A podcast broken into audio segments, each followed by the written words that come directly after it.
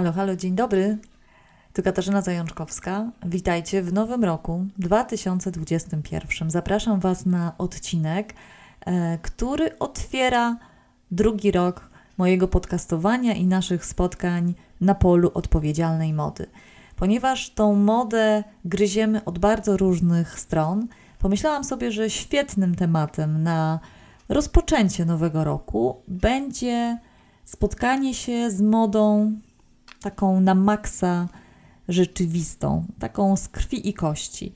E, no i zaprosiłam do tej rozmowy Karolinę Sulej, oczarowana, wzruszona, zachwycona jej książką Rzeczy osobiste, opowieść o ubraniach w obozach koncentracyjnych i zagłady. Ale jeśli myślicie, że będzie to smutna rozmowa, która odbiera nadzieję, to muszę Wam powiedzieć e, już teraz, że nic bardziej mylnego. Aczkolwiek będzie miała znamiona 2020 roku, to znaczy będzie hałasujący kot, a nawet dwa koty, będzie dzwoniący kurier, trochę brzdęków w tle, e, a jako gwóźdź programu e, wyłączą mi prąd. Ale nic to, przetrwamy to z Karoliną, tak jak przetrwałyśmy i wszyscy przetrwaliśmy rok 2020, więc rozsiądźcie się i posłuchajcie. Zapraszam. Dzisiaj u mnie ktoś, na kogo bardzo czekałam, Karolina Sulej, która napisała książkę Rzeczy Osobiste, opowieść o obozach koncentracyjnych i zagłady. I to jest coś dla mnie wyjątkowego, że będę mogła porozmawiać z autorką książki, którą przeczytałam, którą bardzo lubię i co do której mam wiele i przemyśleń i pytań, więc tym bardziej się cieszę. Dzień dobry, Karolino. Dzień dobry. Bardzo jest mi miło być Twoją gościnią i chociaż tutaj mam nadzieję, że nie będzie tego rejestrował system audio, koty chodzą dookoła mnie po prostu, mają godzinę aktywności swojej. Akurat kiedy pracuję one najbardziej, potrafią e, się, że tak powiem, wypowiadać ekspresyjnie, więc mam nadzieję, że Państwo słuchacze mi wybaczą kocie interludia. Natomiast tak, e, jestem bardzo szczęśliwa, że będę mogła porozmawiać o mojej książce. E, jak mówiłaś o tytule, to, to Ci się moim zdaniem bardzo znacząco pominęło jedno słowo w podtytule, czyli ubrania bo to jest opowieść o obozach koncentracyjnych i zagłady, poprzez ubrania, właśnie o ubraniach w tych e, obozach, które tak. są, e, tworzą zbiór tych rzeczy osobistych, które z kolei są w tytule. I będzie mi bardzo miło wyjaśnić dalej, o co mi chodziło, nazywając książkę w ten sposób. Dokładnie, dokładnie, masz rację. Może to y, podświadomość tutaj e, robi jakąś robotę, bo mhm. ubrania to nie jest taka część naszej kultury czy naszej codzienności, której my w ogóle jakoś poświęcamy mm, poważne rozprawy, e, albo nie wiem, sama, sama piszesz, że studia nad modą to jest ciągle coś, co jest traktowane tak trochę po macoszemu, więc my dzisiaj spróbujemy sobie porozmawiać o tym, czy moda to naprawdę jest taka fanaberia, błahostka, coś takiego nieważnego, czym zajmujemy się jak już naprawdę bardzo się nudzimy i nie mamy się czym zajmować, czy może jest zupełnie odwrotnie. Twoja książka, mhm. myślę, no, z różnymi mitami nas konfrontuje i ja właśnie dzisiaj przychodzę, żeby, żeby zapytać, skąd i jak wzięło się Twoje zainteresowanie modą i jak Ty ją sama definiujesz na mhm przez te wszystkie działalności i rzeczy, które robisz wcześniej, bo to nie jest pierwsza, e, pierwsza książka, pierwsza pozycja o, o ubraniach, w której, której moda się tak. pojawia, ale za każdym razem ona, mam wrażenie, trochę jakby jednak poszerza ten kontekst. Więc chciałam Cię zapytać o mhm. Twoją definicję mody na początek? No może ja y, trochę inaczej niż zwykle w tego typu rozmowach zacznę nie od y, czasów kryzysu, wojny i okupacji, które stanowią jakiś obszar moich zainteresowań, ale właśnie od tego, w jaki sposób y, doszłam do wniosku, że myślenie o człowieku, o męskości, kobiecości, relacjach międzyludzkich przez modę jest arcyciekawe i jeszcze nierozpoznane, że to jest taka terra incognita. Otóż byłam w liceum i przeczytałam e, książkę Agnieszki Drodkiewicz London, Paris, Dachau i przeczytałam jej pracę magisterską, którą napisała na kulturoznawstwie o zawartości damskich torebek. I przez tą zawartość damskich torebek opisywała to, czym są nasze rzeczy osobiste, właśnie, czym mogą być, co jest dla nas tak ważne, że nosimy to ze sobą, czasem nawet nieświadomie przez miesiące, a czasem bardzo świadomie jako talizmany. I też zauważyłam, że moda, myślenie o wyglądzie, o wizerunku, o materii jest częścią literatury, może być przynajmniej. I młode pisarki, które były dla mnie idolkami, takie jak właśnie Agnieszka Drodkiewicz czy Dorota Masłowska, tę perspektywę związaną z odzieżą w swoich książkach specyficznie i przeciekawie eksploatują. I jakby z tym przekonaniem, że jest to interesujący obszar językowo właśnie i jakoś filozoficznie i w ogóle dla mnie jako dla kobiety, poszłam na kulturoznawstwo, no gdzieżby indziej, moje idolki tam chodziły i tam się uczyły. I na tym kulturoznawstwie, e, na tej antropologii dowiedziałam się, że istnieje najprostsza definicja mody, która jednocześnie jest najbardziej akuratną moim zdaniem. Czyli moda od łacińskiego modus to jest po prostu sposób posługiwania się ubraniem. Wszystko, co z ubraniem robimy. Robimy po to, żeby było nam lepiej fizycznie, robimy po to, żeby nam było psychicznie, jakoś ciężej albo wygodniej, w zależności od tego, do czego nam jest ubranie potrzebne, że budujemy relacje społeczne dzięki ubraniom, że e, je niszczymy też czasem, e, budujemy systemy ekonomiczne, robimy społeczne performance, tworzymy sztukę, po prostu manipulujemy tym ubraniem na różne sposoby, grupowo, pojedynczo. Więc moda to są po prostu te wszystkie sposoby i role, e, które ubranie gra jako narzędzie w naszym byciu po prostu ludźmi na co dzień. I te codzienne praktyki zresztą wydały mi się najbardziej ciekawe. Te wszystkie niewidzialne, oczywiste, rytuały i przyzwyczajenia, które zaczynamy od rana wstając i zakładając majtki i skarpetki i do tego łóżka się kładąc, zdejmując te, y, tę odzież z siebie. E, że jest to po prostu ogół czynności, które robimy w jakiś sposób, z tymi wszystkimi naszymi najbliższymi rzeczami i te rzeczy, które nosimy na sobie z jakąś intencją przez cały dzień. To mnie bardzo interesowało i interesowało mnie szczególnie w kontekście takiego myślenia, że jest to bardzo kobiece, żeby o tym myśleć, się tym zajmować i to jest taki temat dla kobiecych magazynów, nie dla żadnego poważnego badacza, ani dla reportera, ani dla antropologa. No właśnie taka błahostka, którą w gruncie rzeczy można pominąć jak się studiuje naturę ludzką. Ja się uparłam, że nie, że tak nie jest i znajdowałam liczne dowody i w literaturze, i w historii, i w takich rozmowach z ludźmi, które przeprowadzałam już jako dziennikarka. I e, nawet uruchomiłam razem z moimi przyjaciółkami e, na studiach e, fashion studies, takie Forsy Polski, bym powiedziała, bo takich fashion studies z prawdziwego zdarzenia w Polsce niestety nie ma wciąż jako kierunku, mimo że jest to kierunek na uniwersytetach Wielkiej Brytanii, w Stanach Zjednoczonych, Niemczech czy Francji rozpowszechniony i ceniony. W Polsce nadal nic, więc byłyśmy trochę takimi stachanowcami tego typu myślenia. Same wymyślałyśmy konferencje, pisałyśmy teksty, więc ja byłam bardzo zadomowiona już w tym języku. No ale jednocześnie też zadomawiałam się coraz bardziej w obszarze ich doświadczeń ludzkich granicznych. W takich momentach kryzysowych, niedoboru, my antropolodzy mówimy na to, że to są takie czasy katastrofy kultury, kiedy wszystko się wali. I zastanawiałam się, w jaki sposób to posługiwanie się odzieżą może mieć znaczenie dla takich czasów i jak istnieje w takich czasach, jeśli istnieje. Ale miałam przesłanki, że tak jest. No choćby w Polsce taki projekt, który się rozgrywał, kiedy ja byłam na studiach, on się pięknie nazywa Powstanie w bluzce w kwiatki. I w tym projekcie brały udział e, powstanki, które zamiast e, opowiadać o tym, w jaki sposób e, dla ojczyzny ryzykowały życie, to opowiadały o tym, że oczywiście przy okazji ryzykując życie dla ojczyzny, miały na sobie taką, a nie inną sukienkę, menstruowały albo nie, miały takie, a nie inne emocje, myślały jakoś o swoim ciele, o swojej intymności. I pomyślałam sobie, że dla nich to nie jest coś, czego nie wypada opowiadać. Dla nich to było doświadczenie, samo sedno tego doświadczenia bycia w tej sytuacji i tylko przez wiele lat po prostu nie były zachęcane, żeby o tym mówić. Rozpoczęłam więc badania nad tym tematem w kontekście szczególnie właśnie polskich lat wojny i okupacji i zajęłam się gettem warszawskim.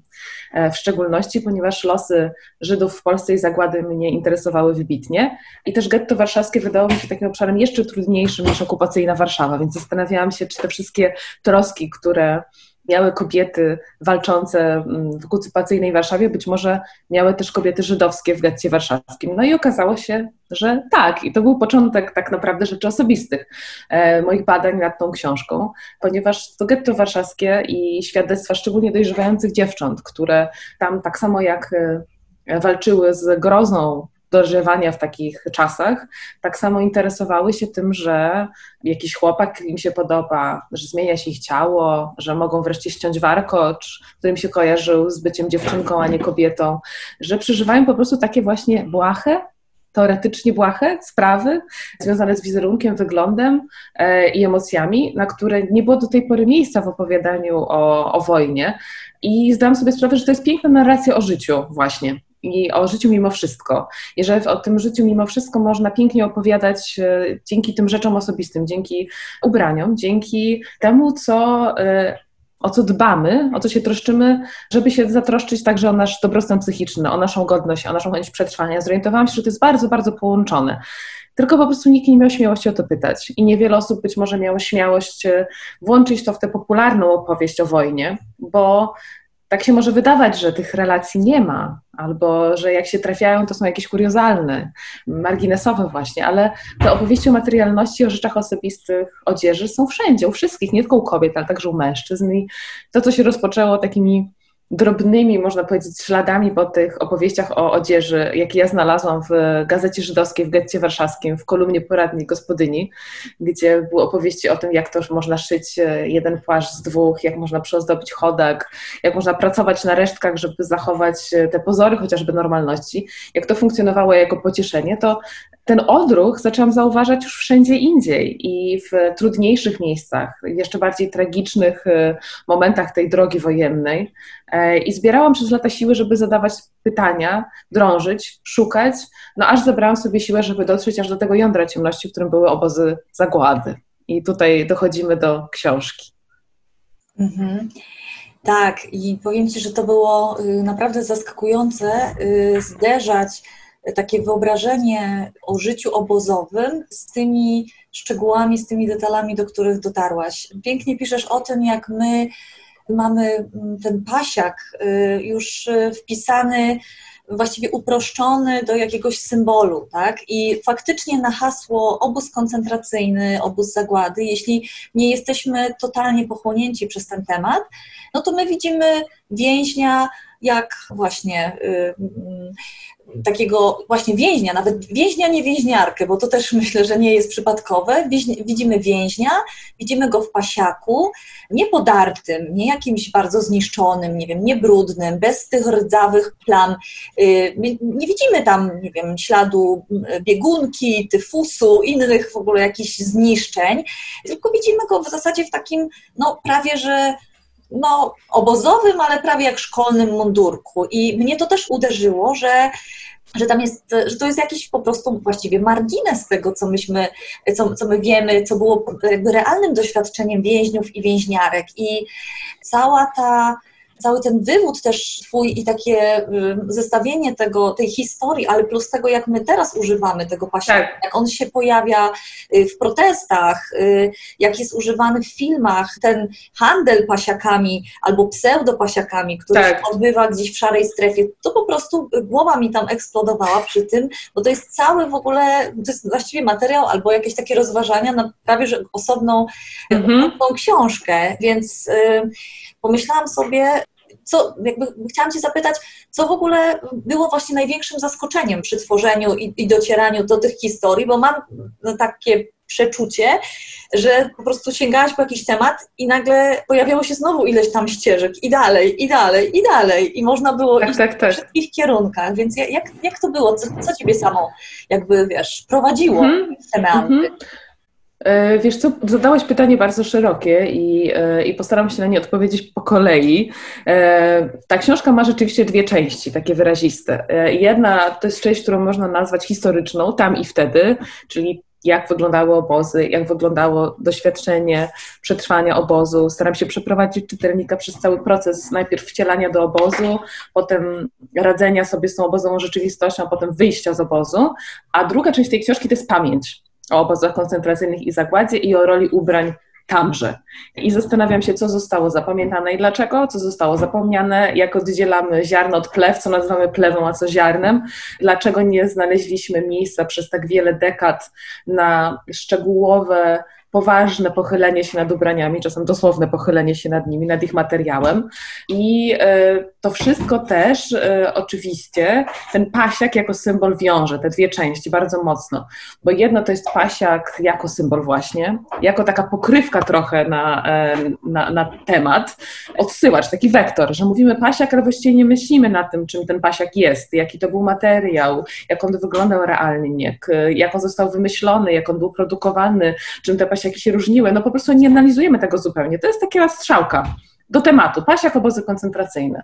I e, ja chciałam zanalizować, jak to się stało, że pasiak stał się tą strzałką, tym wektorem, pustym jakimś słowem e, i czym realnie był. E, pasiak. I w związku z tym ten pasiak jest dla mnie takim e, jednocześnie zamknięciem, e, jakby takim właśnie uproszczeniem tematu obozowego w pamięci, a też w, historii realnie jest otwarciem właśnie tego, że krajobraz obozu był zupełnie czymś innym niż nam się wydaje, że to nie byli ludzie w wyprasowanych biało-niebieskich piżamkach takich samych, stojący karnie w rzędzie, tylko to był teatr absurdu, e, mroczny, mroczne miasto pełne ludzi w zniszczonych ubraniach pasiakowych i nie tylko pasiakowych, którzy starali się z tymi ubraniami jakoś żyć, to znaczy jakoś je tak przysposabiać, żeby one ich nie uśmiercały na e, wielu poziomach i fizycznym, i, i psychicznym i że jest to bardzo długa historia i skomplikowana, zróżnicowana. Tak jak nie ma jednego pasiaka, tak nie ma jednego doświadczenia obozowego, jednego obozu. I żeby w ogóle dojść do obozów i do pasiaka w obozu, to trzeba się najpierw zastanowić, skąd te paski się w ogóle wzięły i ten strój dla więźnia. Więc po prostu trzeba odsupłać albo raczej zacząć toczyć ten kłębek zastanowienia się nad rolą ubrania w ogóle i nad tym, jak ono człowieka może stygmatyzować i w jaki sposób może go ratować, bo o tym jest w gruncie rzeczy moja książka, właśnie o tym, że ubranie można kogoś zniszczyć i można kogoś ocalić. I, i, czyli trzeba wziąć pod uwagę cały kontekst antropologii stroju, żeby móc otworzyć doświadczenie obozu koncentracyjnego przez ubranie i przez ten właśnie pasiak, bo to nie jest jakiś tylko obszar dla mnie doświadczenia obozowego, to jest raczej właśnie klucz do tego, żeby je inaczej otworzyć. Inaczej otworzyć to, czym było wejście w obóz koncentracyjny, czy było życie tam, czym była tam śmierć, czym było przetrwanie. I to wszystko było pozamykane przez dekady, właśnie przez to, że my tych kluczy odzieżowych, tych kluczy z pasiaka i innych strojów obozowych, żeśmy w ogóle nie używali bo uważaliśmy, że one nam nic nie otwierają, a wręcz przeciwnie, są obraźliwe jako kontekst e, dla osób, które obozy przetrwały. Nawet jak e, są w zbiorach jako rzeczy, to te rzeczy są właśnie też takie, nie wiem, niemerytoryczne, puste, e, nie zawierające informacji, nie trzeba ich katalogować, nie, nie trzeba właściwie na nich zwracać uwagi. Dla mnie taką wiadomością szokującą było to, że dopiero w latach 90. skatalogowano pasiaki w Muzeum Auschwitz-Birkenau. Zrobiła to zresztą niemiecka uczona, e, profesor Barbel Schmidt, która przyjechała na stypendium, a że już się zajmowała wcześniej jako jedyna naukowczyni odzieżą pasiakową, no to przyjrzała się tym pasiakom, zastanowiła się, do kogo mogły należeć, jak one wyglądały. Właśnie rozróżniła pasiaki kobiece i męskie, czego nikt wcześniej nie zrobił.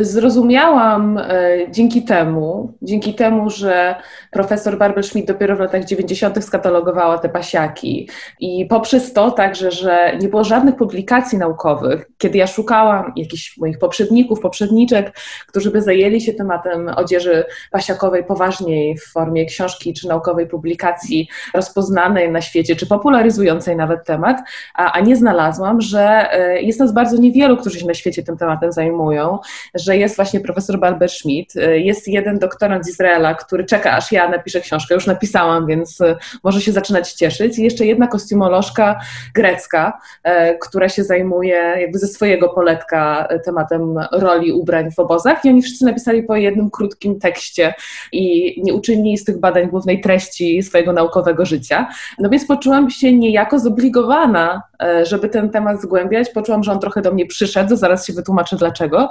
I że jest mnóstwo rzeczy do zrobienia, żeby zacząć w ogóle tę dyskusję, żeby zacząć ten obszar badań, bo to nie jest tak, że moja książka go wyczerpuje, ona go właśnie dopiero otwiera e, i dopiero mam wrażenie, chciałabym, przywraca tę perspektywę jako coś, co warto e, zgłębiać. I na co jest tak naprawdę ostatnia chwila, żeby zacząć to zgłębiać, bo jeszcze mm, cały czas żyją osoby, które mogą dać nam świadectwo swojej pamięci, a jeszcze może tylko dopowiem, dlaczego uznałam, że ten temat do mnie przyszedł.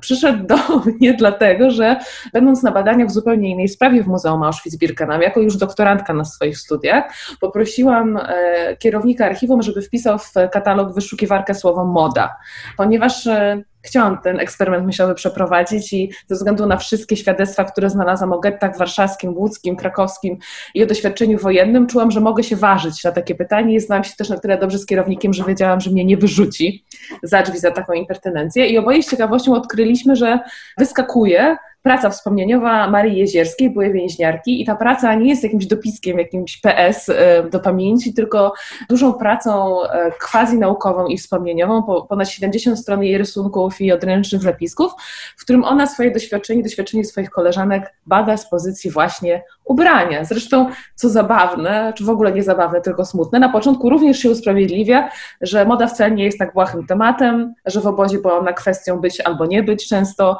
i że miała ogromne znaczenie w opisie tego, co w szczególności kobiety przeżywały. No niestety jej wyjaśnienia, jej praca nie została doceniona, ta praca nie została wydana i wydała konkursu muzealnego i leżała od lat 70. osamotniona w archiwum, dopóki ja do niej nie przyszłam. Dlatego też mówię, że, że trochę mnie temat wybrał i nie mogłam znaleźć Marii Jezierskiej i poszłam za jej głosem, za jej sugestiami i okazało się, że tak jak już zdążyłam wspomnieć, że te relacje dotyczące odzieży czy doświadczenia związanego z ciałem, higieną i rzeczami to może nie jest we wszystkich wspomnieniach dominanta, natomiast we wszystkich wspomnieniach, do jakich tylko nie zajrzymy, nawet do lektur szkolnych, znajduje się ten temat i ten klucz. Tak, i faktycznie Marię Jezierską cytujesz często, to, to się wszystko przewija i też jest ciekawe mm, takie, no taka refleksja, jak te tłumaczenia, nawet nie, jak ta opowieść o obozie z pozycji ubrań, jak ona była żywa jeszcze w latach 50., 60., a jak potem została wyparta, prawda? Jak tak. gdzieś, e, tak jakby sami więźniowie, ponieważ byli niesłyszani z tego poziomu, jakby nie doceniano wartości tych opowieści rzeczy, albo opowieści z tego poziomu e, ubrań i, i rzeczy osobistych i jak, jak oni też przestali o tym opowiadać, no bo uznawali, że nikogo to nie interesuje. I, I później jeszcze też bardzo mnie ujęło to, jak mówiłaś, że już na końcu, w tym podsumowaniu, e, że ci więźniowie, którzy jeszcze szczęśliwie są z nami i gdy przychodziłaś do nich pytać o ubrania, to oni nie dość, że nie byli zaskoczeni tą, tym Twoim pytaniem, czy nie, nie czuli się urażeni, ale wręcz zastanawiali się właśnie, dlaczego dopiero teraz. I, I tak też czytałam i miałam coraz większe ciarki, bo pomyślałam sobie, że to jest naprawdę taki no last minute, żeby w ogóle sięgnąć jeszcze do tych prawdziwych, żyjących ludzi i nie szperać w jakichś archeologicznych wykopaliskach, nie, nie utracić tych właśnie tych ubrań, nie, nie przysypać ich jakimś, no nie wiem, i kurzem i takim e, powiedzmy bardziej symbolicznym jakimś piachem po prostu niepamięci. Więc chciałam Cię zapytać, czy, czy ta odpowiedzialność, mm, jakaś taka wyjątkowość tej sytuacji Ci towarzyszyła, czy ona Cię jakoś przygniatała? Jak, jak Ci było z tym, że jesteś jakąś pionierką jednak w tych poszukiwaniach? Bardzo różnie mi z tym było oczywiście, bo człowiek się zawsze czuje bezpiecznie w jakiejś grupie, a ja tej grupy nie miałam. Musiałam sobie sama swoją ścieżkę wychodzić i właściwie każda osoba, z którą się spotykałam, zadawała mi pytanie, no jak to moda w kontekście obozów, więc już w pewnym momencie zaczęłam jak ta Katarynka po prostu puszczać swoją opowieść, ale wiedziałam, że to jest mój obowiązek e, i że ja właśnie muszę za każdym razem się opowiedzieć i wyjaśnić, że no właśnie, i w tym momencie, słuchajcie, wszystko gaśnie, widzę ciemność, czarny ekran, nie ma światła i zastanawiam się, czy ta pierwsza część naszej rozmowy w ogóle została nagrana. Na szczęście wkrótce udaje nam się znowu połączyć, także zapraszam na drugą część. No to pytanie, które chodzi mi cały czas po głowie. W Twojej książce jest takie mocne zdanie o tym Marksa, e, jeśli dobrze pamiętam, o tym, tak, tak. nie da się robić rewolucji w szmatach. No i w kontekście tego, o czym e, mówiłaś wcześniej, że ubrania mają moc, żeby nas ośmieszać, żeby nas zdręczyć, żeby decydować o naszym życiu, śmierci, albo, nie wiem, dobrym, złym bycie. No tak naprawdę to jest mhm. Totalnie, totalnie wielowątkowa opowieść. No to chciałam Cię zapytać, dlaczego Dlaczego nie da się robić rewolucji w szmatach i jak bardzo to jest ważne narzędzie, i było ważne narzędzie w rękach e, no, tych nazistowskich oprawców. Jak oni manipulowali ubraniem, żeby wywierać wpływ e, na więźniów, ale też na tych, którzy cały ten system budowali. Mhm. E, rozmawiałyśmy wcześniej trochę o pasiakach i pasiak ma to do siebie, że oczywiście no, mimo swojej natury jak ubrania takiego, które ma dręczyć, bo już sam wzór ma sprzyjać anonimizacji, materiał jest nieprzyjemny, bodrelichowy, te paski mają sugerować więzienie, no ale jednak jest w tym ubraniu jakiś rodzaj żołnierskiej prostoty, jest jakiś rodzaj właśnie uniformizacji.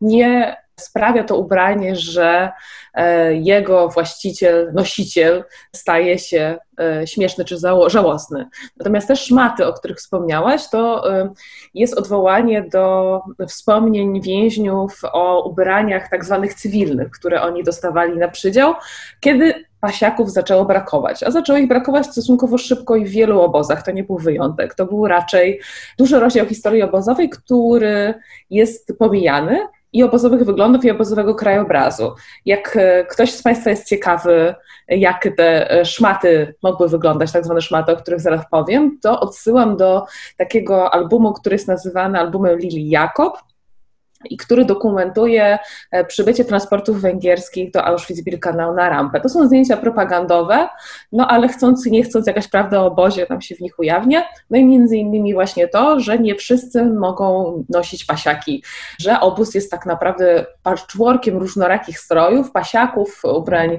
kombinezonów po jeńcach radzieckich, e, szarych strojów derlichowych, od których wzięła się nazwa siwe gąski, tak mówiło o sobie więźniarki Ravensbrück, ale też właśnie kolorowej przedziwnej mieszaniny ubrań pożydowskich, bo to były właśnie te ubrania cywilne, odebrane więźniom żydowskim, e, a nie przeznaczone dla III Rzeszy, tylko posortowane tak, żeby te gorsze, te gorsze ubrania, e, te, których III Rzesza nie chciała, przeznaczyć jako właśnie tę odzież więźniarską. I to były zwykle ubrania szmatławe, takie niezdatne do naprawy albo jakieś, powiedziałabym, no nie wiem, absurdalne w oczach III Rzeszy i ubrania z przeróżnych kontekstów, bo to są ubrania, które odebrano ludziom przybyłym, które oni mieli w walizkach, dla nich drogie, ich osobiste, z jakiegoś powodu wzięte. I tutaj one nagle traciły w ogóle ten kontekst tych swoich właścicieli, były takie zagubione, porzucone, brudne i leżały na kupie, brzydko mówiąc, w części baraku, gdzie więźniowie się um, udawali po te przydziały odzieżowe, więzienne. I były im przydzielane na zasadzie takiej um, kaprysu dezynwoltury strażników bądź strażniczek. I można było dostać naprawdę takie przedziwne zestawy, na zasadzie właśnie widzi mi się, w stylu, no może skorzystam ze wspomnień jednej z więźniarek, z Denki Fantlowej, którą, z którą rozmawiałam w Londynie, no i jej przydział ona bardzo dokładnie pamiętała, to była suknia balowa wyszywana perłami, kubraczek dziecięcy w wąskie czerwone paski z dużymi guzikami, do tego dwie rajstopy, jedna krótsza, druga dłuższa, jedna zielona, druga brązowa, za duże buty męskie e, i takie barchany babcine majtasy, no i to wszystko właśnie było za długie, nie pasowało, było skompletnie kompletnie innych kontekstów odzieżowych i ta mieszanina kontekstów, tych materiałów, tych y, poziomów, tego luksusu, który nagle tutaj stawał się w tym obozie jakąś udręką, czy właśnie drwiną, to wszystko sprawiało, że więźniowie bardzo przeżywali te cywilne przydziały, bo uważali, że nie tylko chce się z nich uczynić więźniów, ale też odebrać im właśnie prawo do godności, do y, martyrologii, do bohaterstwa, że czyni się z nich błaznów, że ta drwina była poniekąd bardziej bolesna nawet niż, niż właśnie ten uniform e, pasiakowy, bo to już było kompletne zaprzeczenie prawa do posiadania jakiejś e, jednostkowości. Człowiek, który zakładał szmaty, stawał się szmatą i sam w sobie widział jednostkę żałosną i niesprawczą, tak?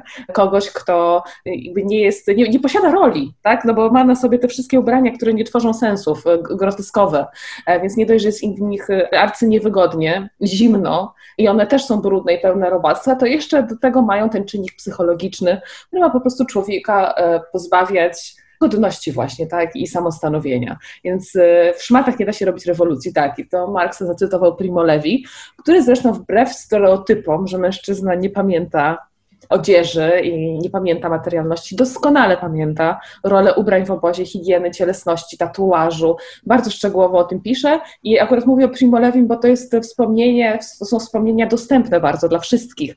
Można po prostu iść do księgarni i Primo Lewiego w świetnym tłumaczeniu e, zamówić. Mhm.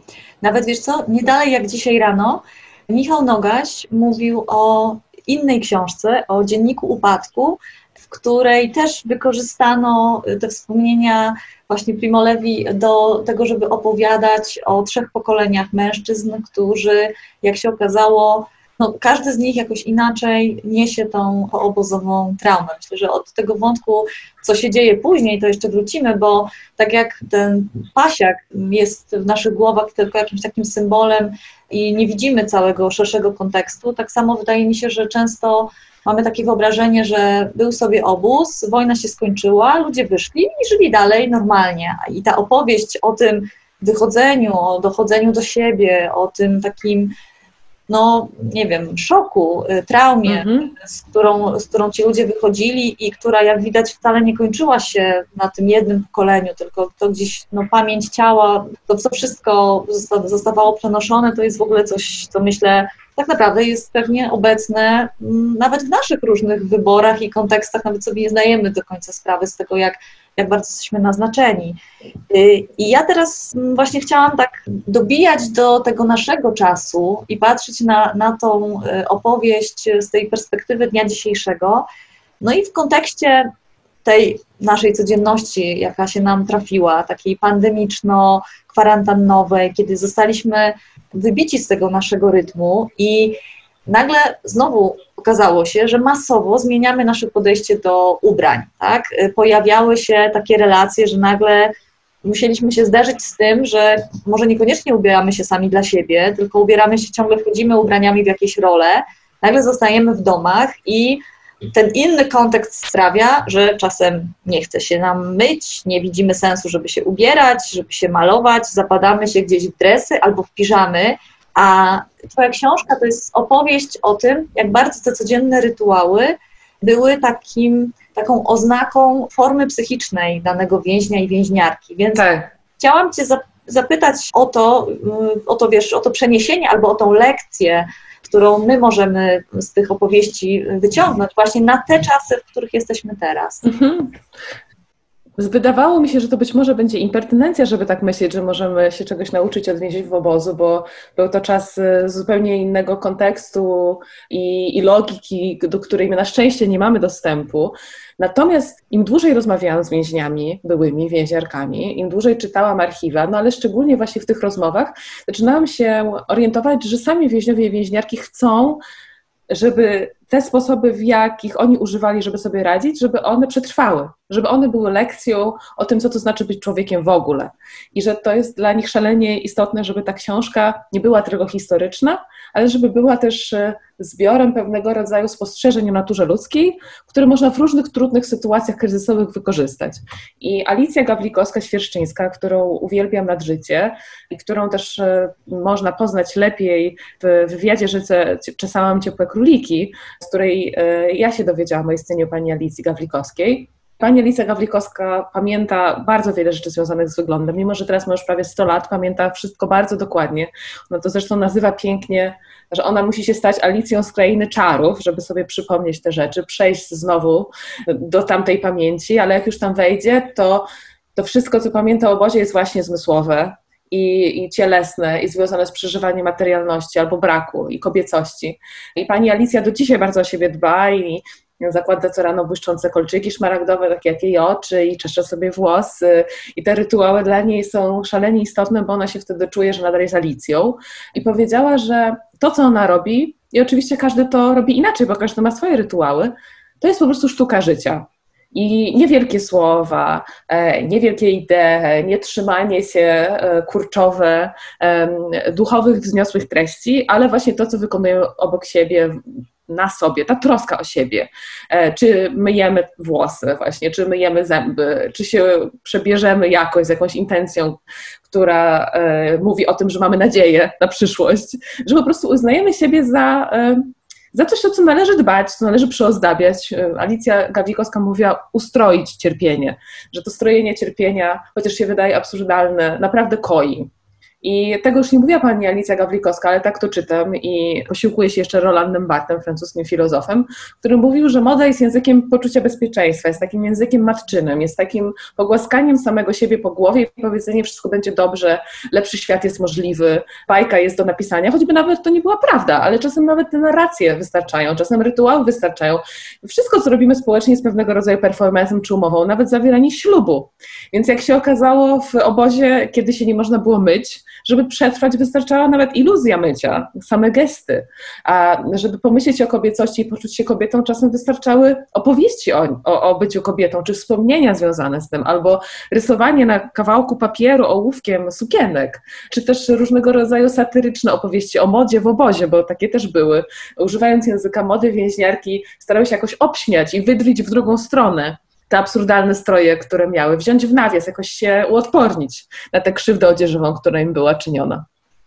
Takim, taka moja, y, moje ostatnie y, właściwie pytanie, mm, pytanie albo coś, nad czym chciałabym się pochylić i poznać Twoją opinię, bo mamy znowu takie czasy, tak myślę, w których moda jest na zakręcie. To znaczy, strasznie daleką, długą drogę przeszliśmy od tego momentu, kiedy kobiety marzyły o tym, żeby mieć po prostu jedną e, parę pasujących do siebie pończoch i ciepłą kurtkę i tak dalej. I po prostu, tak. żeby, żeby, ubranie chroniło, żeby to, było, żeby to był ten ulubiony płaszcz. Czyli, czyli no, były te czasy, kiedy ubrania były faktycznie rzeczami osobistymi, takimi codziennymi towarzyszami, których traktowaliśmy z czułością. I nagle kilka dekad tak naprawdę, nawet mniej niż jeden wiek wystarczyło, żebyśmy się tak w tym używaniu rzeczy rozpędzili, że stały się one znowu w jakimś sensie takimi jednorazowymi, przypadkowymi szmatami. No i w kontekście tego, co ja robię, czyli z jednej strony bardzo pomstuje na tą modę, na tą szybką modę, na to, co ona robi z, z nami jako konsumentami, konsumentkami, na to, co robi z przyrodą, bo już znamy te skutki, to już nie jest tajemnica. Z drugiej strony pojawiają się teraz takie głosy, e, no pandemia wszystko zmienia, trendy się skończą, a ja z Twojej książki dowiaduję się, że no, trendy i moda, taka rozumiana jako jakaś, nie wiem, tendencja, coś, co lepiej wygląda kontra gorzej, y, to było wszędzie. Więc y, zaczęłam się zastanawiać, czy te trendy na pewno się kończą, czy one umrą i czy my w ogóle zdążymy, zanim ten świat wybuchnie, albo po prostu się wiesz, spali pod słońcem, mm -hmm. albo człowiek, człowiek się pożegna jako gatunek, e, wyginie. Czy my w ogóle mamy jak, jakąś szansę wrócić z tymi rzeczami do, wiesz, do, do, do jakiegoś balansu, do jakiegoś taki, mm -hmm. takiego punktu, w którym nie ma przesytu, nie ma nadmiaru, jest jakaś czułość do tych rzeczy, i, ale też takie świadome z nich korzystanie. Jak, jak to widzisz z perspektywy tych wszystkich badań? No powiedziałaś o tym pięknie i tak bym rzeczywiście pragnęła, żeby się wydarzyło. To znaczy, żeby ta narracja e, hiperliberalnego kapitalizmu została zamieniona, albo raczej powiedziałabym, no, e, wycyzelowana przez humanizm, przez właśnie naukę, technologię, bo modą zajmują się nie tylko firmy i PR-owcy, ale też naukowcy, technolodzy, biotechnolodzy, materiałoznawcy i również humaniści, filozofowie właśnie, socjolodzy, antropolodzy, socjolodzy, psycholodzy i chciałabym te dwie grupy badaczy wpuścić do tej opowieści o modzie, żeby oni nagle zaczęli mówić, że ubranie może być funkcjonalne, że może być design prospołeczny, który opiekuje się osobami e, z niepełnosprawnościami, albo chorymi, albo starszymi, który e, może pomóc naszemu zdrowiu, który może sprawić, że będziemy mieć jedną koszulkę na więcej okazji, bo będzie z takiego, a nie innego materiału, który sprawi, że ubrania będą bardziej etyczne, że nie będzie się krzywdzić żadnego zwierzęcia przy produkcji tych ubrań, ani żadnego człowieka, że ubrania mogą stać się językiem opowieści o naszych uczuciach i byciu ze sobą, współbyciu ze sobą e, i takim językiem, który można e, zawrzeć w literaturze, w poezji, e, w sztukach wizualnych, czyli chciałabym, żeby ta narracja, która została bardzo utowarowiona, żeby stała się bardziej osobista właśnie i bardziej ludzka. Wiesz co, zobaczę, kto to mi dzwoni do drzwi. Mam Dobrze. nadzieję, że... To, Dobrze. Zapamiętasz, gdzie skończyłam, tak? Tak, tak, tak. Już. Jakieś plagi, plagi egipskie tak, po prostu. Tak. Kurier nie zrozumiał, że nie mogę podejść, po prostu. Ale o Jezus. Tak, mówiłaś, mówiłaś pięknie, y, pięknie o tym, że y, o tym empatycznym designie, bo tak to pewnie y, zbieramy. No, żeby... Tak, uważam, że jest potrzebny empatyczny design i w ogóle właśnie zmiana słownika, którego się używa w kontekście mody, żeby on zawierał właśnie więcej pojęć z zakresu nauki, nauk społecznych, ale też takiego języka codzienności, właśnie języka bycia z rzeczami, tej czułości dla rzeczy, tego, że rzeczy zawierają nasze uczucia i historie, czasem nawet historie pokoleń, że zawierają wydarzenia znaczące w naszym życiu, żeby one się nam kojarzyły z tym, a nie sezonami, tendencjami i markami, żeby po prostu przypisać to, czym one mogą być, nauczyć się właśnie z tych najtrudniejszych momentów jak myślimy wtedy o ubraniu i się im posługujemy i, i robić to także dzisiaj. E, I wydaje mi się, że to jest coś, co jest głębiej wpisane w naturę ludzką niż kapitalizm jednak i że można obrać te cebule tak, żeby, żeby znaleźć w modzie to, co zostało właśnie przykryte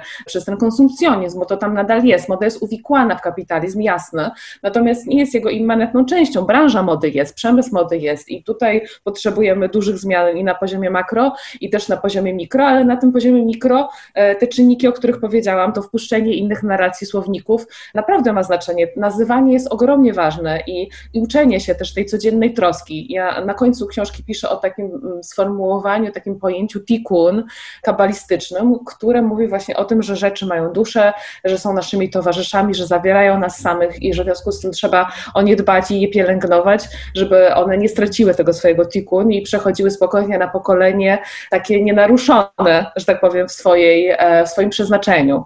I że to nie jest tak właśnie, że e, to, co nas otacza, to są towary i przedmioty, które e, mają tylko symbolizować jakiś nasz status. To jest po prostu część nas. Nie wszystkie z nich, natomiast powinno być jak najwięcej właśnie tych znaczących i to znaczenie my im nadajemy. Ja też zauważyłam, że ludzie w ogóle nie rozmawiają o ubraniach, że czują, że to jest taki temat właśnie błahy, że poważnemu człowiekowi nie przystoi.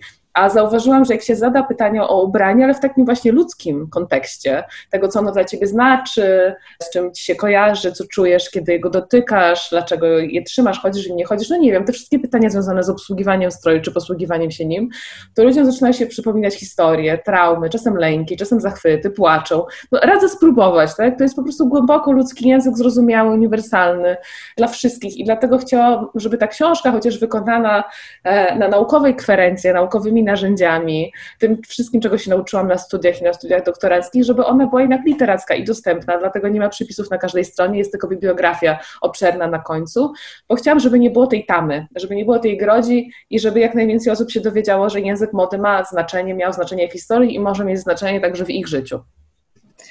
Tak, y, właśnie to moje y, ostatnie pytanie to miała być refleksja nad tą ostatnią częścią właśnie Tikum, bo tam świetnie mówisz o tym i sięgasz po to, jak, jak ważne jest to, jak my się z rzeczami obchodzimy, gdy już na przykład y, zabraknie tego, tego właściciela, że to nie powinno być jakaś po prostu, no nie wiem, pierwszy kontener i takie bardzo nieczułe pozbywanie się tego albo obdarowywanie tych, którzy wcale na ten podarek nie czekają, tylko no gdzieś ta cząstka historii, pamięci idzie. Zresztą ja myślę, że każdy z nas właśnie, tak jak mówiłaś, jak się pochyli nad tym, to przypomnimy sobie i wspomnienia, nie wiem, gryzących rajstop z przedszkola, takich zsuwających się, to moje akurat wspomnienie, mm-hmm. przykrótkich, które trzeba wielokrotnie podciągać, e, albo właśnie jakichś gryzących sweterków, e, albo prujących się nie wiem, bibułkowych spódnic, y, też moje, więc y, gdybyśmy tak chcieli prześledzić swoje życie idąc tym kluczem ubrań, to nagle się okaże, że tam jest właśnie cała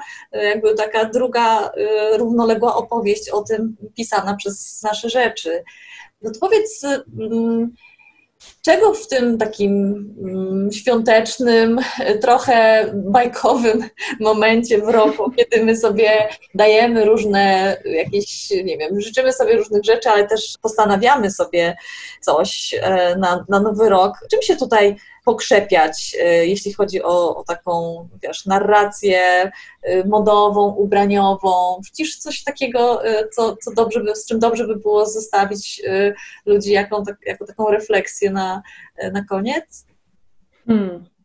No na pewno nie z długą i piękną reklamą apartu, bo wydaje mi się, że taka taka opowieść o modzie się kończy i że nie potrzebujemy y, bajki utkanej z luksusu i nadmiaru, że to już nam się wydaje śmieszne, nie chcemy do tego aspirować i, i wydaje mi się, że to dobrze, ja mam takie, takie refleksje po tym pandemicznym roku, że, e, że właśnie moda ma szansę wrócić do swoich korzeni. Tak jak moja książka jest taką zachętą do takiego ponownego, naiwnego wysłuchania wszystkich świadectw, bez tych wszystkich ideologicznych nakładek, tak mam wrażenie, że ten rok stał się szansą dla mody, żeby ponownie wysłuchała, o co jej chodzi Czy na pewno o to, żeby sprzedawać, czy może raczej o to, żeby opowiadać historie, które nas e, obchodzą? E, jak czytałam nie wiem, posty na Facebooku nawet, czy na Instagramie ludzi, którzy siedzą w tej samej podomce, którzy opowiadają o tym właśnie, o tych dresach, o tym, że inna góra, inny dół, e, o tym, że robią sobie makijaż tylko dla siebie, że przebierają się na Halloween,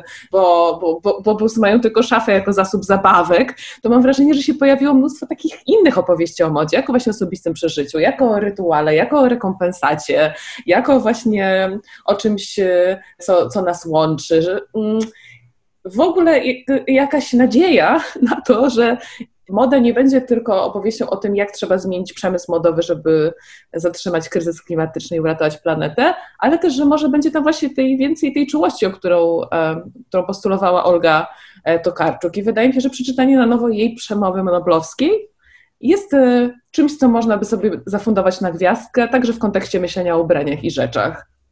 A że niedawno wyszedł zbiór jej opowiadań, esejów i przemówień właśnie czuły narrator, to myślę, że to jest e, świetny prezent, poza moją książką oczywiście, który można sobie sprawić na gwiazdkę. Dla mnie Olga jest bardzo ważną postacią i zresztą się znamy i rozmawiałam z nią o tej książce, zanim jeszcze ją napisałam. I ta czułość, o której ona pisze, to jest też słowo, które należy w kontekście mody odzyskać. Mhm. Super. No, jak zwykle takie zmiany na tym poziomie y, globalnym i poziomie branży, one się w ogóle nie odbędą, jeśli my y, się nie zatrzymamy w tym naszym galopie, więc to takie już no, kultowe powiedzenie zacznij od siebie, no to, to myślę, że to jest wiecznie żywe w każdym kontekście, także w kontekście ubrań. Karolino, bardzo, bardzo Ci dziękuję za tą rozmowę. To była przyjemność. E, oczywiście nie wyczerpałam wszystkich wątków, ale mm. chyba dobrze i dla Ciebie, i dla słuchaczek.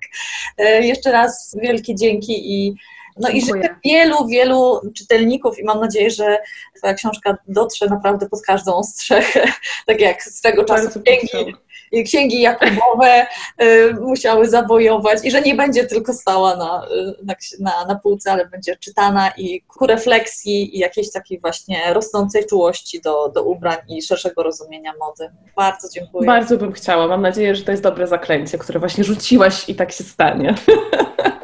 No i to tyle na dzisiaj. Bardzo Wam dziękuję za wysłuchanie tego odcinka. Dziękuję za to, że dzielicie się swoimi refleksjami. Zapraszam Was na Instagram odpowiedzialnamoda.pl. Bądźcie zdrowi, niech to będzie dla nas wszystkich dobry rok.